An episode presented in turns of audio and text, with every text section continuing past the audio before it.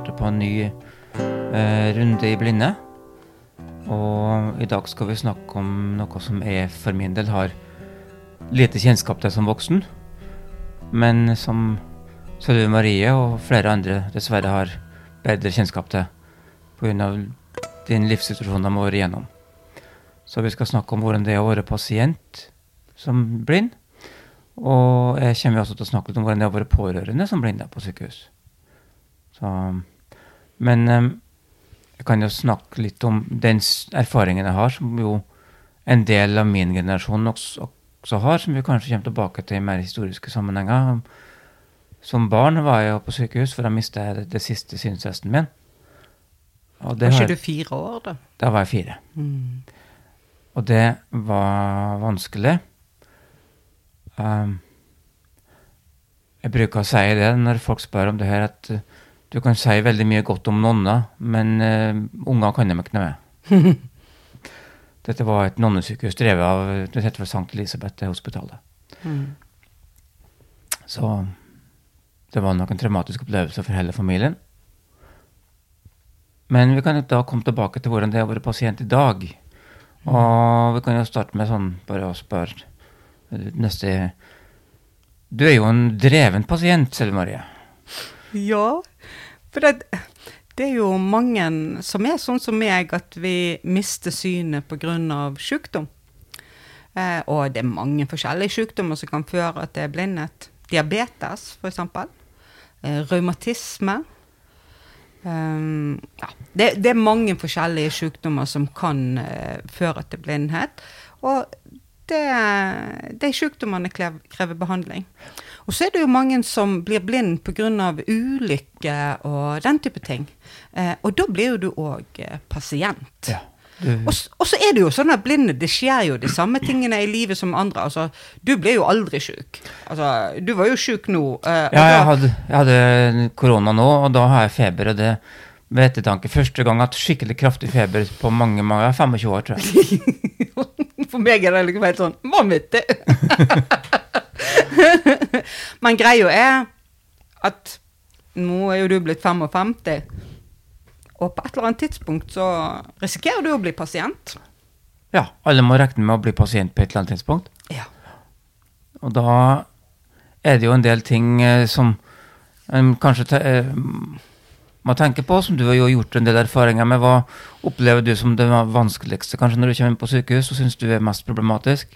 Vet du, hva, ja, vet du hva, Det som er vanskeligst på sykehus som blind, det er Altså, jeg har jo holdt litt forelesninger om uh, den funksjonshemma pasienten. Og hvordan funksjonshemma pasienten opplever sykehuset.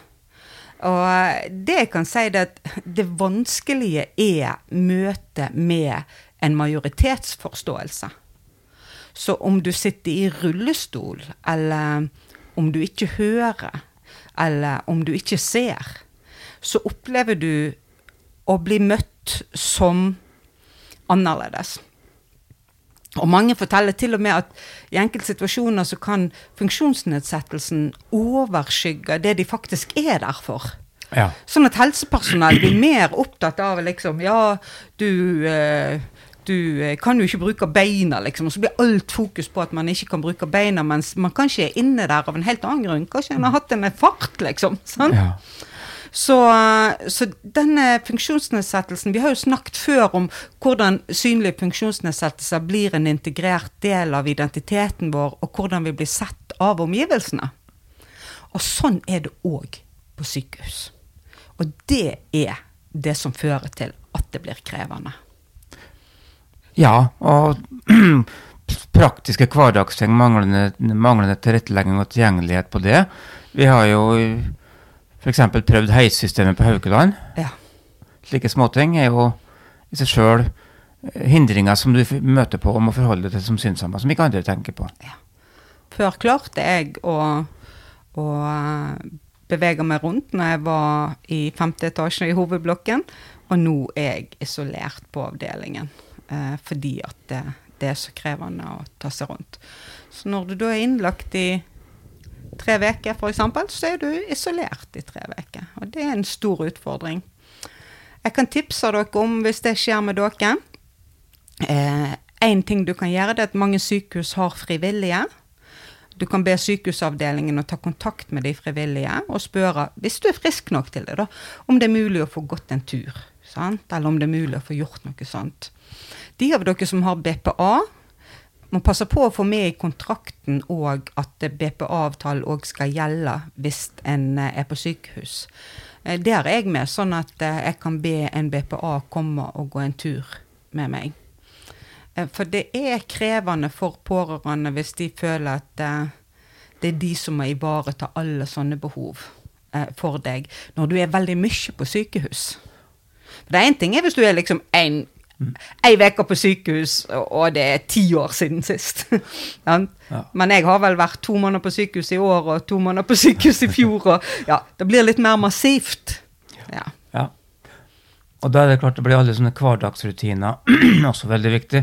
Hva opplever du som litt sånn altså, i møte med personalet, f.eks. spisesituasjoner? Ja. Um, de fleste sykehusavdelinger i dag har jo sånne buffeer. Eh, og de er da opplest og vedtatt at jeg aldri skal se. Eh, så jeg eh, blir veldig isolert fra de andre pasientene òg. For de møtes jo og snakker sammen og den type ting. Mens jeg får maten brakt inn til meg. Og det som ofte skjer, det er at jeg blir nok kanskje spurt hva jeg vil ha. Og, og så er det det jeg blir spurt om. Og så opplever jeg når de kommer med maten, at de er stressa og kommer seint. Og det er de pga. at de har smurt på skjevene, de har lagt på pålegg, de har skjært opp skjevene, de har åpna yoghurten. Jeg har til og med opplevd at jeg har fått brusflaske så de har tatt korken av. Um, med tanke på at jeg ikke klarer å ta korken av. Eh, så det er ofte en mangel på å spørre. Eksempel, ja, hva vil du ha til frokost? Ja, jeg vil ha sånn og sånn og sånn og sånn. Ja, smører du på sjøl? Ja, ok. Mm. Ja, da kan du bare hente, og så smører jeg på sjøl, og så ordner jeg.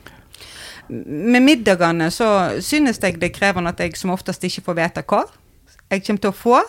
Eh, og at eh, jeg, jeg liker Jeg vet ikke hvordan det er for deg, men jeg liker faktisk å få vite litt grann hvor maten ligger på tallerkenen når det er middag. Mm. For jeg syns det er litt krevende å måtte ta seg fram med fingrene på alle slags type varme måltider. Og det er klart også Uansett så bør du vite litt når du får en tallerken servert, for du vet ikke hva de har lagt opp. Nei. Så det må han vite litt om. Ja. Og da liker jeg at de på en måte bruker klokka. At de står bak meg, eksempel, og så sier de ja, potetene ligger på klokka åtte, eller ja, kjøttet ligger på klokka tolv, osv. At de forklarer på den måten, for da får jeg orientert meg litt på tallerkenen, uten at jeg nødvendigvis må ta på all middagsmaten. Når det gjelder frokost og lunsj og altså, altså sånn, sånne måltid kveld, så er ikke jeg så opptatt Altså, jeg har ikke noe problem med å ta på skjevene og finne ut av de tingene sant, når jeg skal smøre på sjøl. Det er akkurat det der med middagsmaten som jeg syns er litt sånn. Ja. For da kommer vi bort i opplæring, altså litt, litt strukturert opplæring. Og ja. du har jo hatt ja, Du sa at du har hatt foredrag. Du har jo hatt et foredrag på sykehuset nå nylig for øyepersonalet. Ja, ja. Og en av de første tingene jeg eh, gjør i sånne foredrag um, det, Særlig dette, denne gang var det spesifikt om den syns- og hørselshemma pasienten. Eh, og uh, da ba jeg om at uh, den yngste som var i rommet, skulle komme fram. Og så fikk den yngste i oppgave å være blind. Og så uh, fikk den i oppgave å lukke øynene sine. Og så ledsager jeg vedkommende rundt på helt feil måte.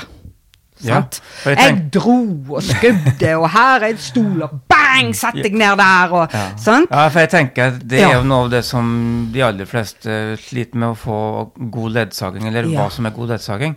Ja. Og, eh, og jeg spurte han liksom på en skala fra 1 til 10, hvor behagelig var dette? Det var, han syntes ikke det var behagelig i det hele tatt.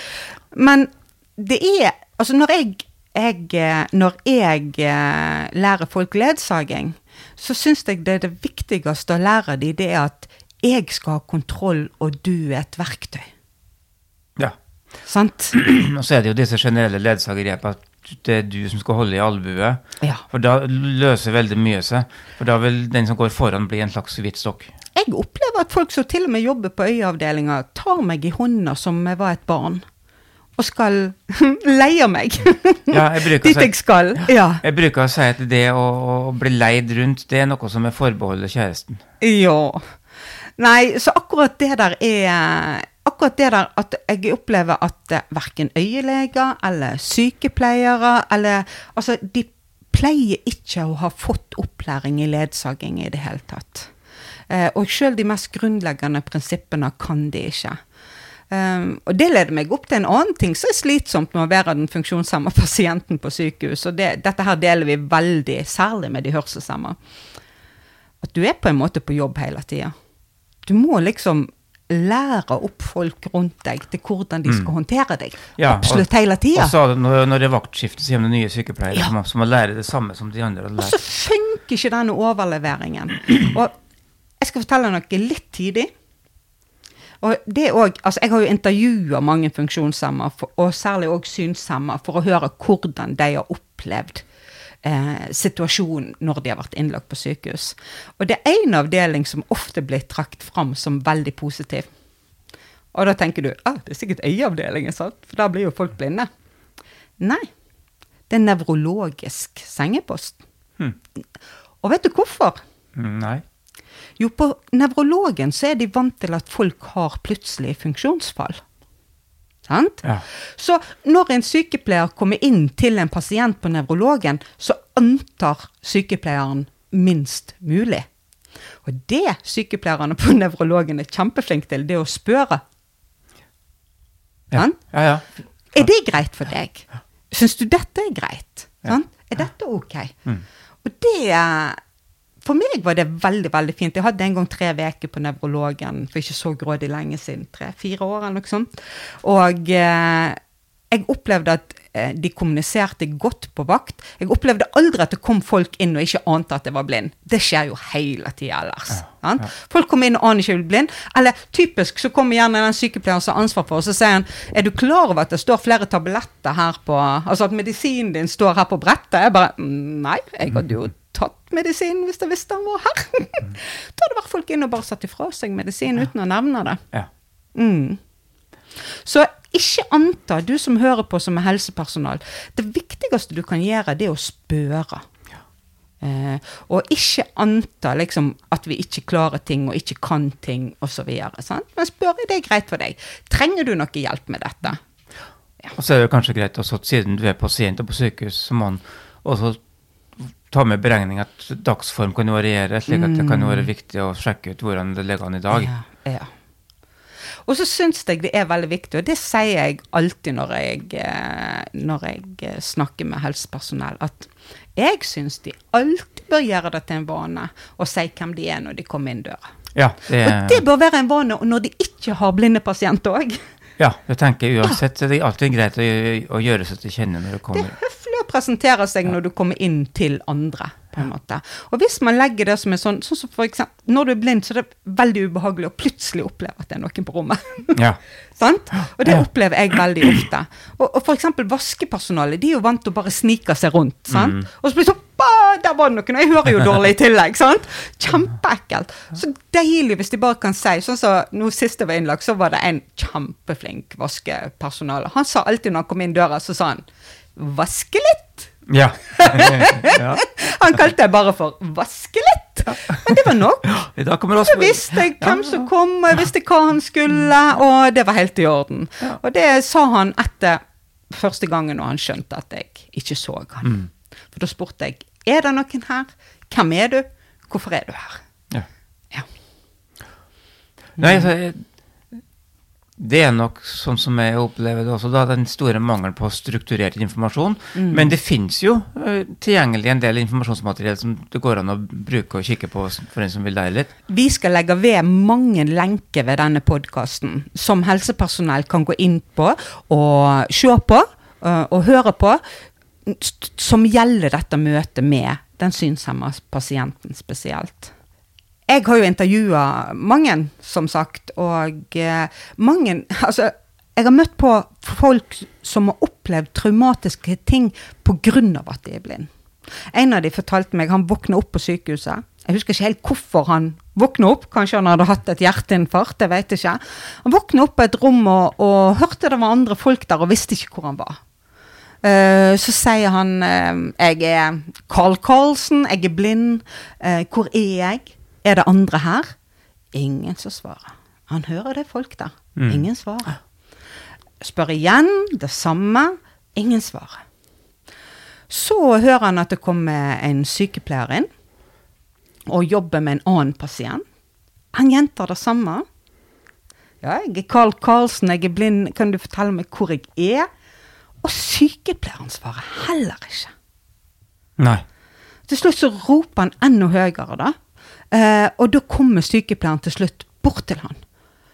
Og så, For han vet hvor han er, og så Og han føler liksom han blir svar skikkelig surt og tvert. Og så sier Og så sier han eh, Hvor er sekken min? Og så får han bare Den står der! Og så går de. Ja. Og han sa at eh, når han eh, dagen etterpå var til eh, legen Da visste jeg han hadde lagt på et seksmannsrom. ja. Alle de andre kunne snakke og kunne høre, og de Ikke sa sant? ingenting. Nei. Nei. Eh, og han sa dagen etterpå så sa legen jeg vil helst holde deg her noen dager nå, og han bare ikke tale om. Få meg hjem. Ja. Nå. For det ble så smertefullt for han, rett og slett. Ja, ja. Så dramatisk har jeg heldigvis ikke opplevd det. da. Jeg har bare opplevd mange, mange mange sånne små nedverdigende situasjoner. Små irriterende situasjoner. Små situasjoner der jeg Det er klart. føler meg ikke forstått. Ja. Det er klart, det her blir jo da en For jeg er jo en veldig sårbar situasjon som pasient, og da blir alle slike ekstra små Altså det som i hverdagen også oppleves ofte, som er ulike små nedverdigende situasjoner, folk som ikke hilser, folk som går forbi. Alt det blir en ekstrabelastning da, som når du i tillegg er pasient. For da er du også prisgitt eh, et uh, lukka system. Ja. Da er du prisgitt sykehuset som system.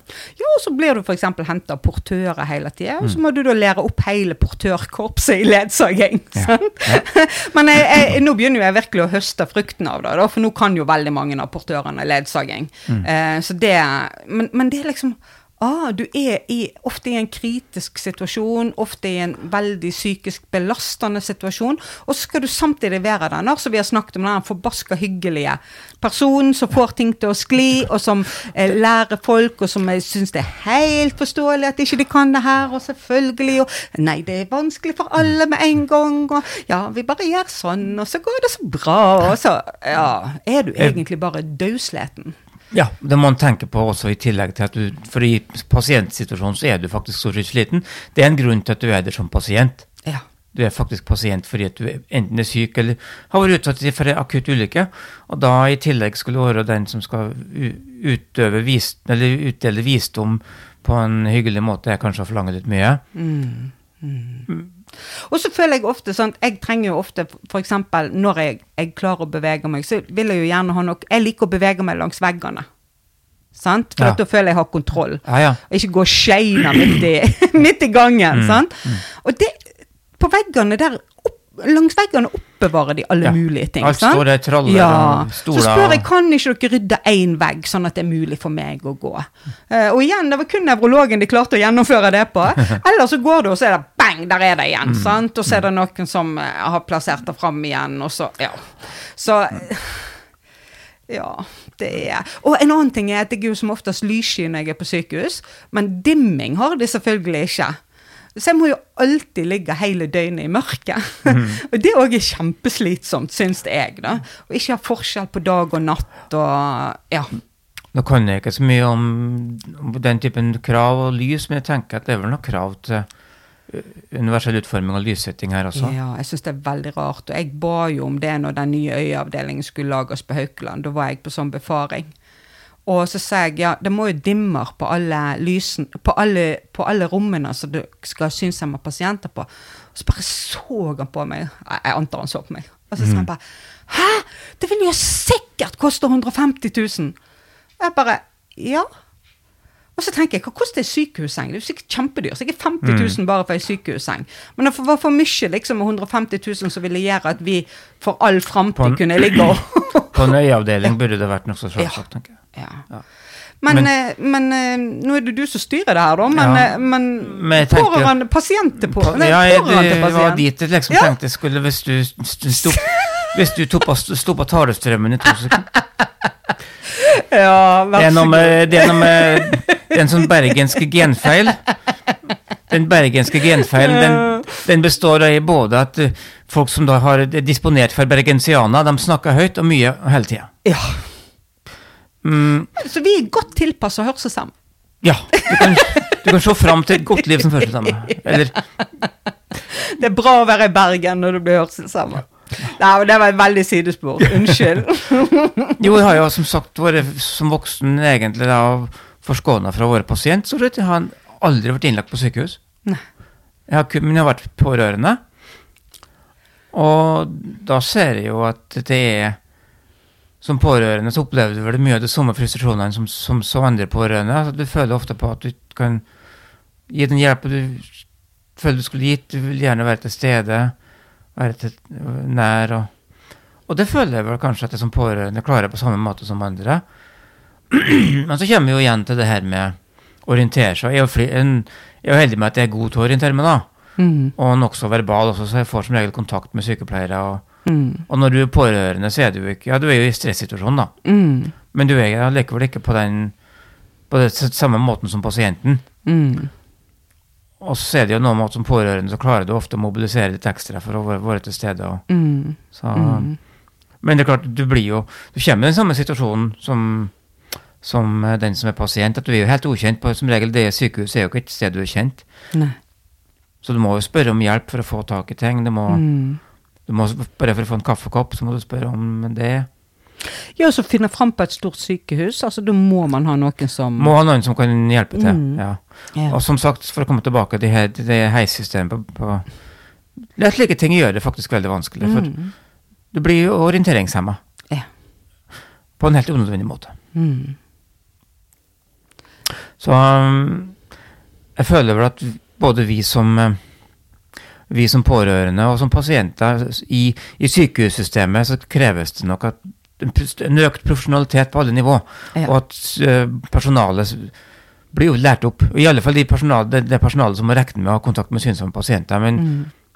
jeg vil vel si generelt at eh, sykehuspersonalet burde ha hatt en mer strukturert, systematisk opplæring i hvordan du møter pasienter med sansetap, tenker jeg. Ja, ikke bare sansetap. Jeg tenker pasienter med funksjonsnedsettelser. Synlige funksjonsnedsettelser. For at vi har noen felles ting. Og jeg kan bare si døve, der er det gjort, gjort litt mer forskning på hvordan de har det i møte med. Og for dem er det veldig tungt pga. kommunikasjon. Ja, jeg tenker. Og de føler så ofte at de blir behandla så dumme. Ja. Sant? Når, når faktum er bare at de ikke hører det som blir sagt. Sant? Og det er ikke alltid det er tolka tilgjengelig og den type ting. Sant? Og så blir det skriving på lapper og så Mm. Og, så, og så blir de veldig var på kroppsspråket til den som hjelper dem.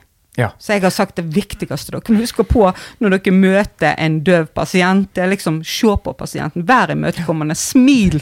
Ja det, er, Og det ikke, blir, det ikke blir skrik og rop, men snakk på vanlig måte. Snakk tydelig. Ja. eh, Det vet jo ut ifra sånn, når, du har, når du også omgås folk med dårlig hørsel, så vet Mm. jo det. Det er viktig f.eks. at hvis vedkommende har et godt øre, så må man passe på å komme opp på sida på den riktige sida. Mm, Snakke tydelig mm. og rolig. Ja. Det er ingen på, på, ikke noe poeng i ropet. Men det er en sånn liten ting som er litt sånn rart, men som faktisk er veldig vanskelig, da. Og som nok er vanskeligere for meg enn, enn hva det ville vært for deg hvis du ble pasient. Og det er det her med um, Du ligger jo som oftest på flersengsrom. Sant? Mm. Uh, og når jeg da skal kommunisere med omgivelsene, så bruker jeg diktering på alt. Ja.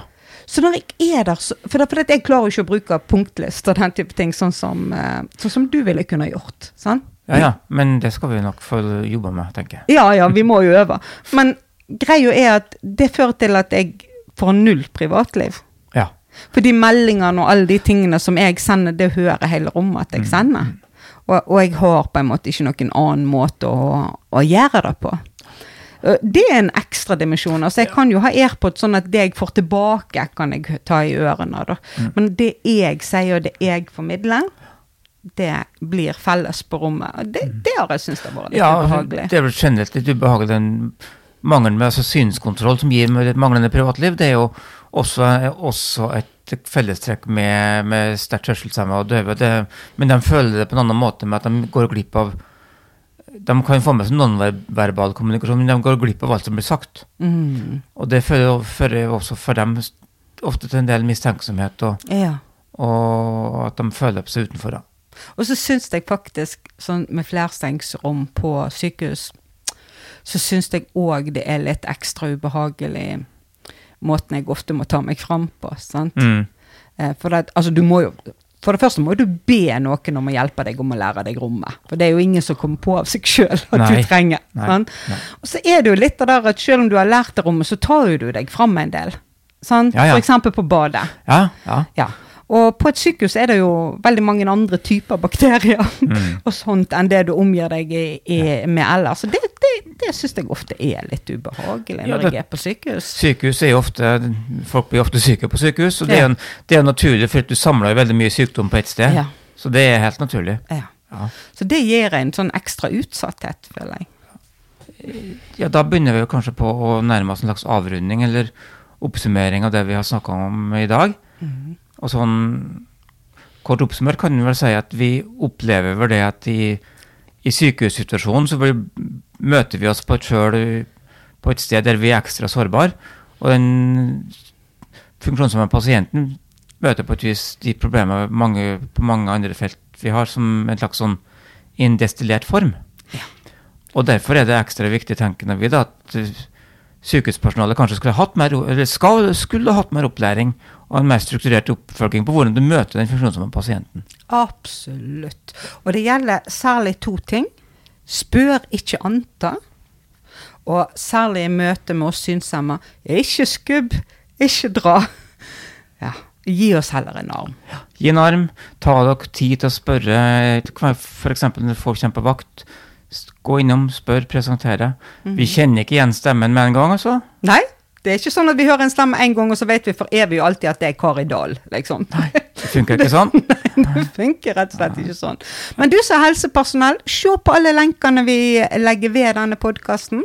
Her kan du finne masse til fordypning, og veldig gjerne del det med alle dine kolleger, sånn at dere kan bli en inkluderende sykehusavdeling som møter den funksjonshemma pasienten på en måte som gjør at ikke den pasienten får ekstra belastninger som pasienter som ikke har en funksjonsnedsettelse, slipper å ha og slipper å forholde seg til.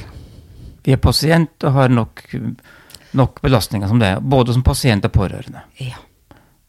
Jeg tror vi stopper der og sier at nå ønsker vi alle Håper de har hatt en hyggelig lytting. Ja. Og eh, en spesiell hilsen til eh, deg som eh, skrev til oss og ba om å få denne podkastepisoden. Vi håper at du likte den. Det håper vi virkelig. Ja. Ha det godt. Ha det, ha det.